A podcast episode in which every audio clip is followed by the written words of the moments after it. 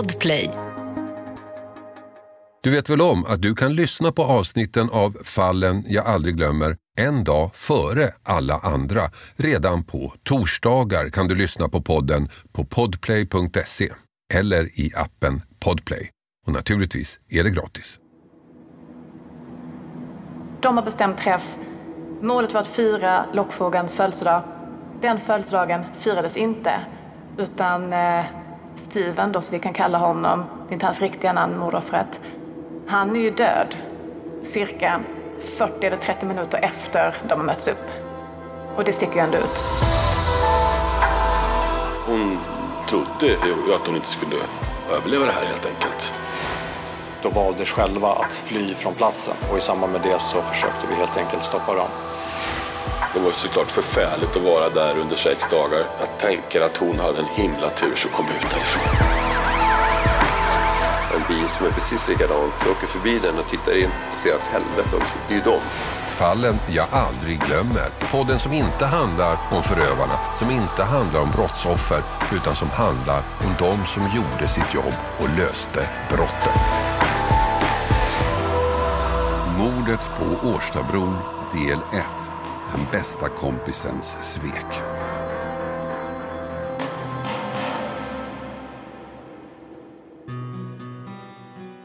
I de kriminella gängen finns inga kompisar.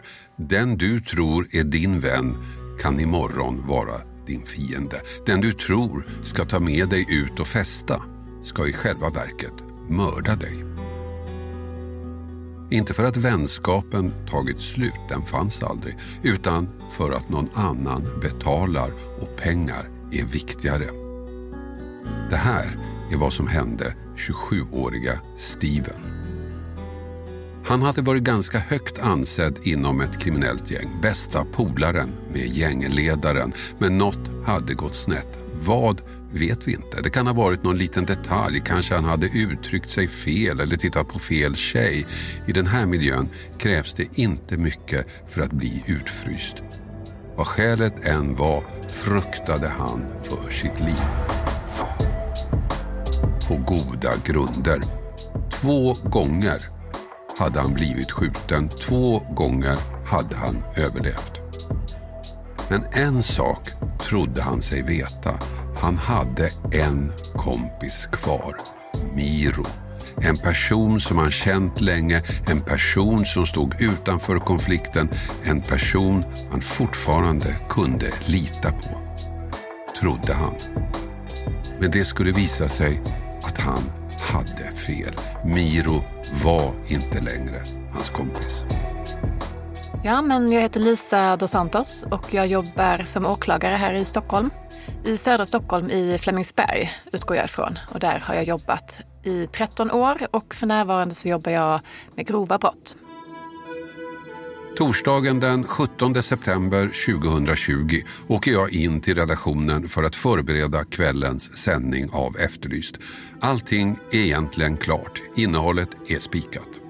Samtidigt så ger sig Lisa dos Santos ut på en löptur. Ja, nej, men det var en helt vanlig vardag och jag hade lämnat min unge på fotbollsträning och då sprang jag min löptur som går runt Årstaviken, en vik här i Stockholm. Och när jag sprang över Årstabron som förbinder Årstasidan med stansidan så var det en stor blodfläck plötsligt mitt på bron. Omgiven av gravljus. Så jag hann ju tänka att här måste det ha skett eh, något hemskt. Och eh, det här var ju hösten 2020 och eh, då som nu var det mycket skjutningar och eh, många nyheter på det temat så att jag hittade inte ens vad det var som hade hänt på Årsabron efter löpturen utan vände hem. Blodpölen Lisa dos Santos passerade kom från 27-åriga Steven. Under natten mellan den 16 och 17 hade han blivit mördad mitt på bron. Skjuten med flera skott i ryggen och i huvudet. En ren avrättning på en mycket ovanlig plats. Vi på Efterlyst fick beskedet framåt förmiddagen och det här brottet var naturligtvis något som vi var tvungna att ha med under kvällens sändning. Från början var uppgifterna ganska knapphändiga om vad som egentligen hade hänt men ganska snart stod det klart vem offret var, en man som var väl känd av polisen sedan tidigare. Klockan 20.00 började vår sändning och mordet på Årstabron dominerade inledningen av programmet. Det var alltså här på Årstabron, precis här bakom mig, som den här mannen som var i 30-årsåldern hittades av en förbipasserande vid ett-tiden i natt. Och det är ännu så länge oklart exakt vad det är som har hänt men polisen utreder det här som mord alternativt dråp. Och enligt uppgifter till Expressen så var den här mannen en ledande gestalt i ett kriminellt nätverk och han ska också alltså då ha blivit skjuten till döds. Och jag pratade med utredaren för en liten stund sedan och eh, de här uppgifterna var ingenting som hon kunde bekräfta. Och vad är det polisen behöver hjälp med? Polisen söker ju iakttagelser ifrån det här området. Kanske har man eh, suttit på pendeltåget som går alldeles precis här bredvid, sett eller hört någonting misstänkt i området, antingen på Årstasidan eller på Södermalmssidan. Men Lisa dos Santos såg inte vårt program så när hon åkte till jobbet nästa dag visste hon fortfarande inte vad som hade hänt. Dagen därpå så åkte jag tillbaka till mitt jobb och då passerar jag den här bron. Jag åker med pendeltåget över Årstabron. Och när jag kom till jobbet så pratades det om att det hade skett ett mord på en eh, person som var relativt känd för polisen som hade då skett på Årstabron och då kopplade jag ihop att jag hade sprungit förbi den blodpölen med det här mordet och det stämde ju att det var på det sättet. Men då visste du inte att du skulle få ärendet? Nej, det visste jag inte. Utan det går ju till så på vårt jobb att man väljer inte vraka vilka utredningar man får utan det är chefer som fördelar och, vill lotta så att det sker en rättvis arbetsfördelning. Och lite senare så knackade chefen på min dörr. Eh, hon förstod ju att alla vi som sitter i korridorslängan som jobbar med grova brott redan som det är har många grova brott att utreda. Så hon frågade ifall jag hade utrymme för ett till. Och det tyckte jag att, att jag hade. Och då var det det här mordet. Så det började lite som en film kan man säga.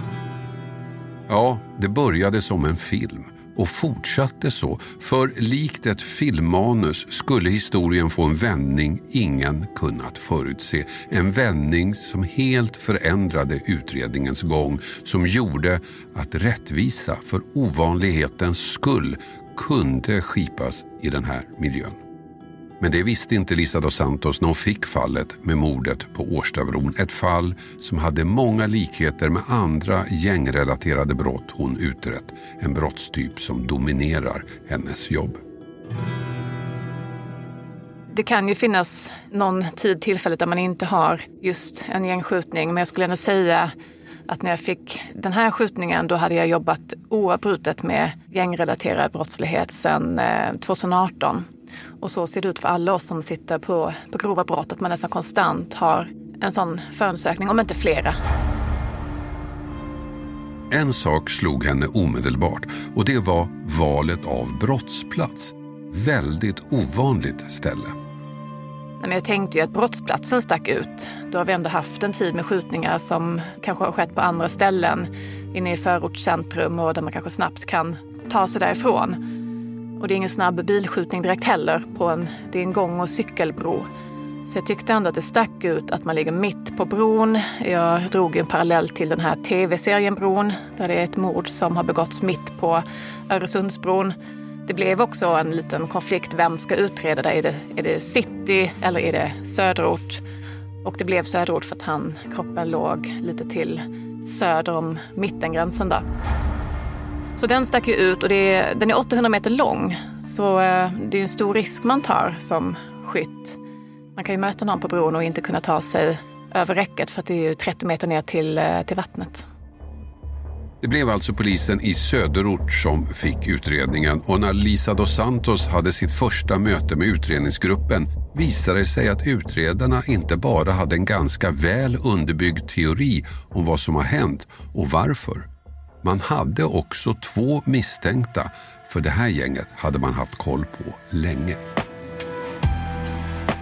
Det fanns initialt några vittnesuppgifter för att de här skotten hade ju ekat över Årstaviken och studsat i de här närliggande husen. Så det fanns personer som hade uppfattat till exempel tidpunkt och någon hade också tittat ut och eh, sett två personer på bron och uppfattat ett signalement.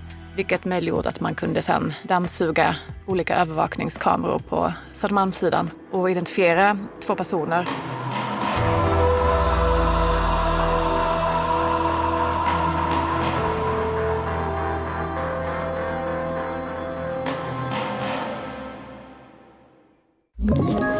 Ett poddtips från Podplay. I podden Något Kaiko garanterar östgötarna Brutti och jag, Davva, dig en stor dos skratt. Där följer jag pladask för köttätandet igen. Man är lite som en jävla vampyr. Man har fått lite blodsmak och då måste man ha mer. Udda spaningar, fängslande anekdoter och en och annan arg rant. Jag måste ha mitt kaffe på morgonen för annars är jag ingen trevlig människa. Då är du ingen trevlig människa, punkt. Något Kaiko, hör du på Podplay. Därför är gardinerna. Två personer var alltså identifierade, två kända gängmedlemmar, en av dem mordoffrets bästa kompis. Men det slutade inte där. Utredarna hade också en tredje misstänkt. Den man trodde låg bakom alltihopa. Den som skulle ha beställt mordet. Ja, men när jag klev in så hade polisen eh, tre personer som var skäligen misstänkta. Då. Vi hade en person som polisen kände till hade ja, men någon slags vendetta eller en konflikt med offret. En tongivande gängledare i södra Stockholm. Och eh, två personer som då skulle ha hjälpt till med detta. Så att min roll inledningsvis var att eh, lyssna på, på misstanken, göra en bedömning av den och sen gå in med någonting som då heter hemliga tvångsmedel och det innebär i praktiken då att man avlyssnar deras telefoner. För du hade ett möte med utredarna och då presenterade de bevisningen för dig. Vad var det de hade? Ja, men dels eh, den här historiken som polisen hade när det gällde beställaren och mordoffret. Att det fanns en historik mellan dem, tidigare vänner och sen har det uppstått någon konflikt så att man visste att det fanns en, ehm, ja, ett fiendskap dem emellan helt enkelt. Och de personerna hade man hittat på övervakningsfilm från Södermalm. De hade rört sig runt på Södermalm strax innan mordet. Och sen hade man också pratat med mordoffrets anhöriga och de visste vem han skulle träffa och vart han skulle bege sig. Så vi hade ju initialt namn på den person som han hade haft kontakt med strax innan han begav sig in till stan. Och det var också den sista personen som hade ja, haft kontakt med honom när han var i livet. Så hur såg teorin ut då? Er teori ut? Vad var det som hade Teorin hänt? var initialt att eh, det var ett beställningsjobb från den personen som eh, hade ett motiv för att han skulle dö. Och att han nyttjade två personer till sin hjälp. Och en av dem var alltså en kompis till mordoffret som hade bestämt träff med honom och sen hade han en, en sidekick då som eh, vi bedömde var en slags utförare, torpedliknande person som kan ta ett sånt här uppdrag åt annan. Ja, enligt utredarnas teori skulle det alltså vara tre personer inblandade. Den första beställaren Ahmad, han som sedan länge haft en konflikt med offret, en konflikt polisen väl kände till men inte riktigt förstod vad den handlade om. Den andra var kompisen, lockfågeln eller goaren som det heter i de här kretsarna, Miro, den gamla polaren som alltså stämt träff med offret precis innan mordet. Och så den tredje, Dennis, också han känd av polisen som en våldsam typ. Men han stod inte särskilt nära offret så teorin var att han var utföraren, den som skulle begå själva mordet. Ahmad, Miro och Dennis, som vi alltså väljer att kalla dem, beställare, goare och utförare, tre huvudmisstänkta. Men att ha en teori är en sak, att kunna bevisa den något helt annat. Fast till skillnad från många andra gängskjutningar så fanns det i det här fallet några spår att börja med. Vi hade ju i alla fall eh, alltså skäligen misstänkta, du kan ju säga att man inte alltid ens har. Och just den här övervakningsfilmen som ändå satte de här två personerna, eh, man kunde koppla dem till eh, målsäganden eh, för Mordoffret. Man såg också hur han kom till Södra station och det var också där man såg eh, de här två, kallar dem goaren och utföraren då, också komma till Södra station strax innan. Så jag tyckte ändå vi hade eh, bra uppgifter initialt att jobba med. Sen eh, hade man ju såklart tekniker på plats på bron och då topsar man och, och försöker hitta spår. Det fanns ju hylsor och blodspår och så att man skickar ju iväg mycket till det som kallas för NFC så att man, man går ju också mycket i väntans tider och hoppas på att få resultat som man sen kan jobba vidare med. Men en sak hade man inte. Man hade inte de misstänktas telefoner. Alltså kunde man inte se till vem de hade ringt och vad de hade chattat om. Sen vet ju vi av erfarenhet när det gäller att lyssna på människor som är grovt kriminella och rör sig i de här kretsarna. De vet liksom hur, hur spelet går till. De använder inte vanliga telefoner för att snacka brott. Så att linorna då som vi säger på lite polisspråk, där var det tyst. Det snackades inte om det här mordet alls i deras telefoner. Men en telefon fanns, nämligen Stevens, offrets. Den hittades bredvid honom. Den hade förövarna inte fått med sig. Det tog ett tag, men när den tekniska analysen av telefonen var klar, ja, då blev polisens teori ännu starkare. Han hade ju en telefon med sig och den återfanns bredvid hans kropp. Och den kom vi in i och där fanns en chatt, en Snapchat-slinga, en lång Snapchat-slinga med den här eh, kompisen till honom, som jag kallar för lockfågeln. Och de hade ju bestämt träff. Och den slingan såg vi 24 timmar innan ungefär. Det hade inte varit eh, jättemycket kontakt dem emellan dessförinnan men där blir det liksom ett intensivt chattande och eh, chattandet har en riktning och det är att de ska ses och de ska ses den här kvällen. Det är den här kompisens födelsedag som ska firas. Men vad som också är signifikant att mordoffret han är väldigt sugen på att ses. Han vill hela tiden liksom close a deal. Han vill komma till en punkt och bestämma något. Var ses vi? Vad ska vi göra? Komma med en massa förslag. Men eh, hans kompis då, lockfågeln, han håller honom på halster. Liksom, vi får se och nu gör jag annat. Och ljuger också om vad han gör och vem han är med. Han säger till exempel inte att han egentligen är med sin, sin sidekick, den här utförarkillen. Så eh, det var ju en väldigt bra kommunikation att få. Så det var ju en utgångspunkt. Vi kunde ändå se att de har bestämt träff. Målet var att fira lockfågelns födelsedag. Den födelsedagen firades inte. Utan eh, eh, Steven, då, som vi kan kalla honom, det är inte hans riktiga namn, mordoffret. Han är ju död cirka 40 eller 30 minuter efter de har mötts upp. Och det sticker ju ändå ut. Det fanns alltså en konversation som visade att lockfågeln Miro verkligen stämt träff med Steven innan mordet. Och det fanns filmer som visade att Miro och Dennis var på Södermalm där bron började precis före mordet. Nätet började dras åt. Och än mer när utredarna lyckades kartlägga var de misstänktas egna telefoner befunnit sig vid tiden för mordet. Det kan man göra utan att ha själva telefonen. Det finns ju möjlighet att spåra dem via uppkopplingar. Det man också gör är att man kan se vad telefoner har kopplat upp någonstans. Och det är inte alltid eh, brottsaktiva personer ens har med sina telefoner för de vet om att de kan lämna spår. Men lockfågeln för sin del, han använde sin telefon flitigt fram tills eh, ja, träff med Steven. Och sen slutar han använda den telefonen och det numret rakt av.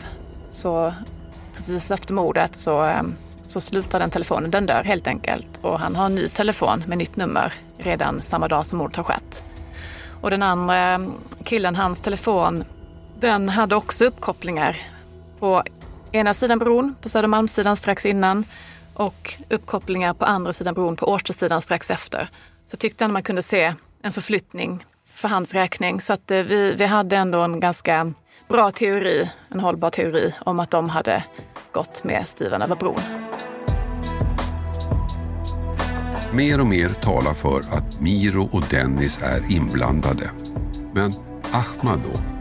Den misstänkte beställaren, han har ju inte befunnit sig på mordplatsen. Hans telefon har inte varit i närheten av Steven och det som polisen hade mot honom var rykten. Rykten att han skulle vilja se Steven död, men inga fysiska bevis på det.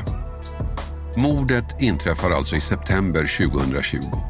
Flera månader efter att den franska polisen knäckt den krypterade chattfunktionen Encrochat. Och den svenska polisen hade massa material att använda i olika utredningar.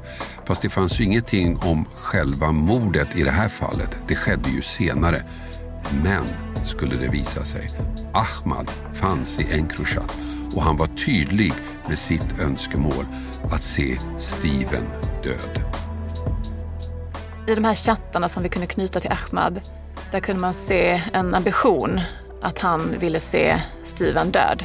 Han uttryckte det ganska tydligt att den här horungen skulle jagas ner, den här råttan, vi ska leta upp honom och skickade någon, eh, någon skärmdump på en nyhet som gick att koppla till att Steven hade varit skjuten tidigare. Då. Så att ett tydligt motiv det tyckte vi att vi kunde se kopplat till honom. I november tycker Lisa dos Santos att hon har bevis så det räcker, i alla fall när det gäller Miro och Dennis. Hon beslutar att de ska anhållas misstänkta för mordet. Jag tycker att vi har sannolika skäl och vill vi komma åt mer bevisning som mobiltelefoner rent fysiskt, vapen, kläder som man haft på sig vid tillfället, då måste man slå till för annars så finns det ju väldigt stor risk att man gör sig av med allt. Men beslutet gäller inte Ahmad av två skäl. Det ena är att bevisningen mot honom kanske inte räcker. Det andra är att han var redan på väg att anhållas för ett annat brott. Jo, nej, men vi hade ju mycket mindre på honom och sen eh, hade jag nära kontakt med en annan åklagare ute i landet. Hon för sin del hade Encrochattar att arbeta med och där hade det uppdagats eh, fler brott som gick att knyta till Ahmad och hon hade lite större misstankar, man ska säga lite mm, mer på fötterna. Så att de planerade för tillslag i det ärendet och då är det onödigt att man båda två slår till samtidigt och då kom vi överens om att jag avvaktade och hon stod för eh, frihetsberövandet i det ärendet.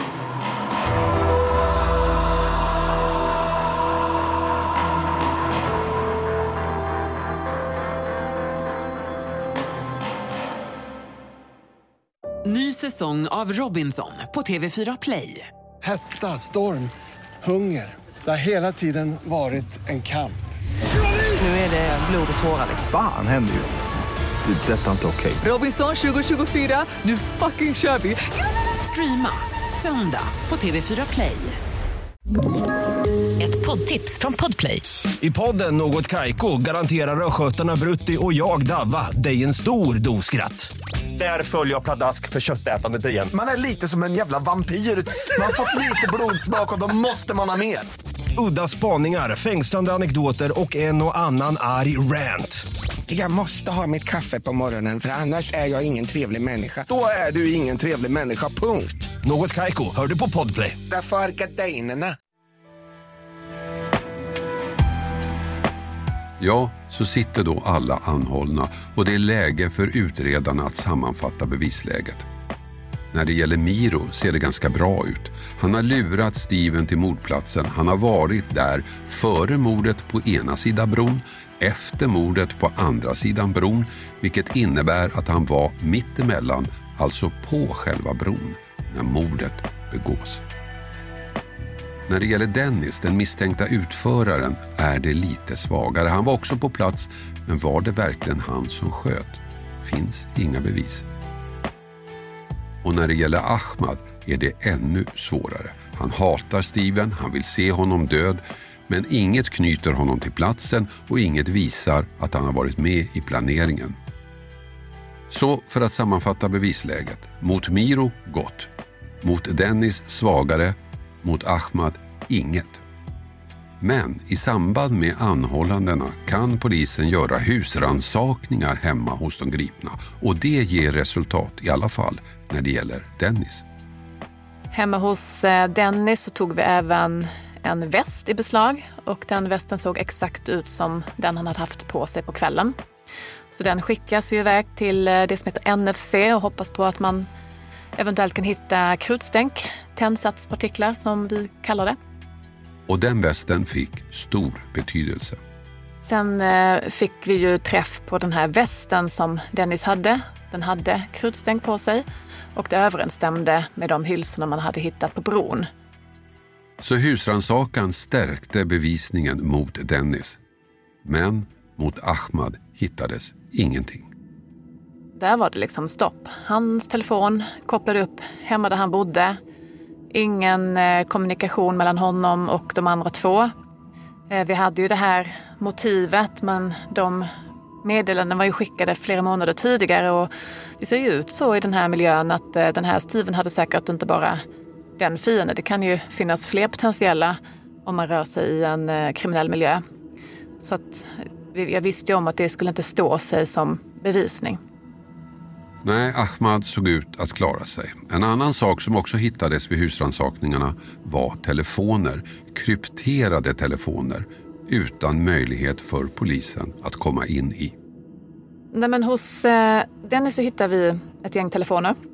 Dels är det en vanlig telefon som du och jag kanske använder. Och sen var det en telefon som vi ganska snabbt konstaterade var en sån här krypterad telefon som polisen bedömer att det är helt omöjligt att komma in i den. Och vid det här laget så var vi vana vid att de telefonerna fanns. När det gällde eh, Ahmad så fick vi reda på lite längre fram då att man tog telefoner även hos honom och även där fanns det krypterade telefoner. Men de här telefonerna, Gjordes det några försök att komma in i dem eller ger ni bara upp för ni vet att det går inte? Nej, men eh, IT tar ju hand om dem naturligtvis och, och, eh, och gör vad man kan. Men det var, där var det stängt.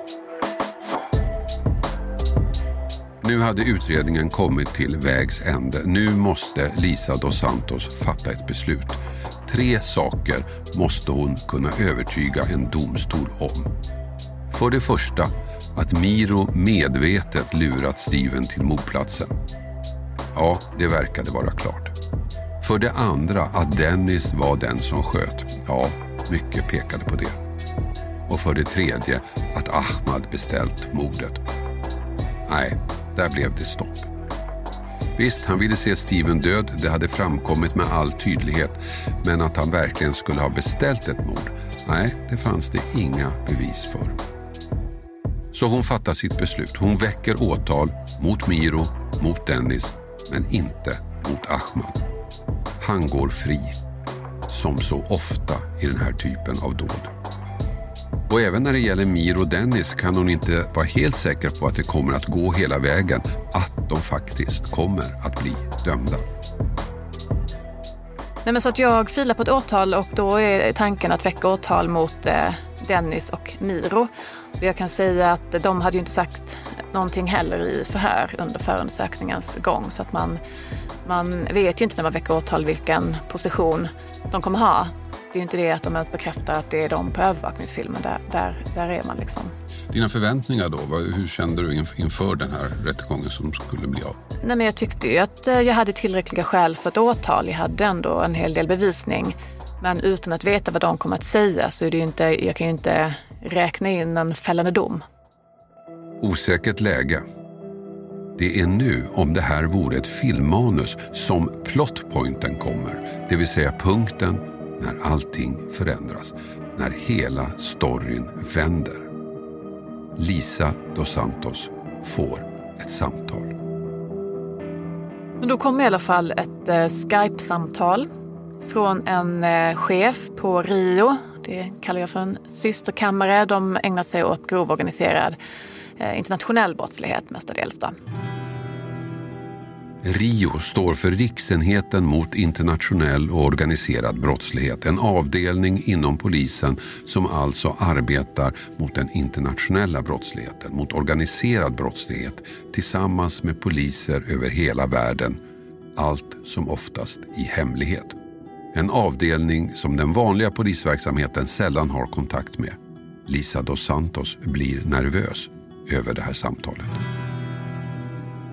Hon var väldigt allvarlig och hon bad mig att lägga ut båda mina telefoner utanför mitt tjänsterum och stänga dörren.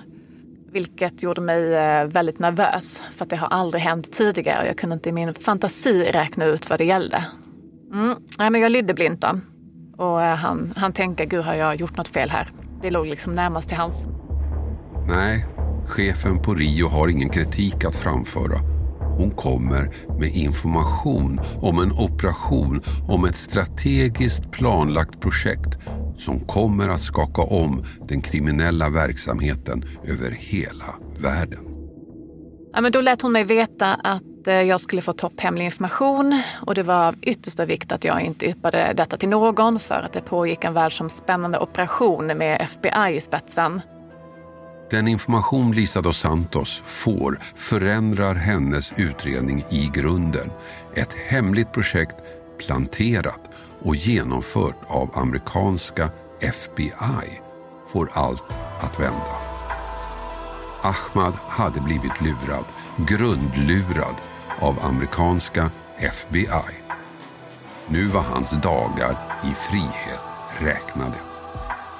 Mer om det i nästa avsnitt av Mordet på Årstabron.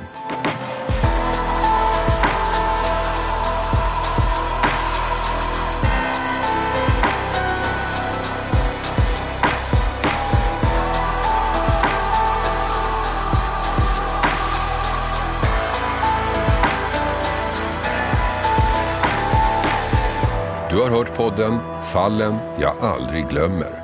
Klippning David Davva Persson. Och jag heter Hasse Aro.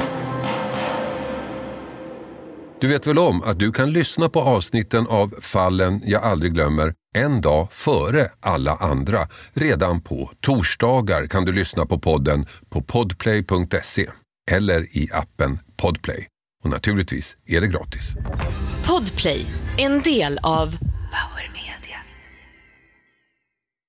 Ny säsong av Robinson på TV4 Play. Hetta, storm, hunger. Det har hela tiden varit en kamp.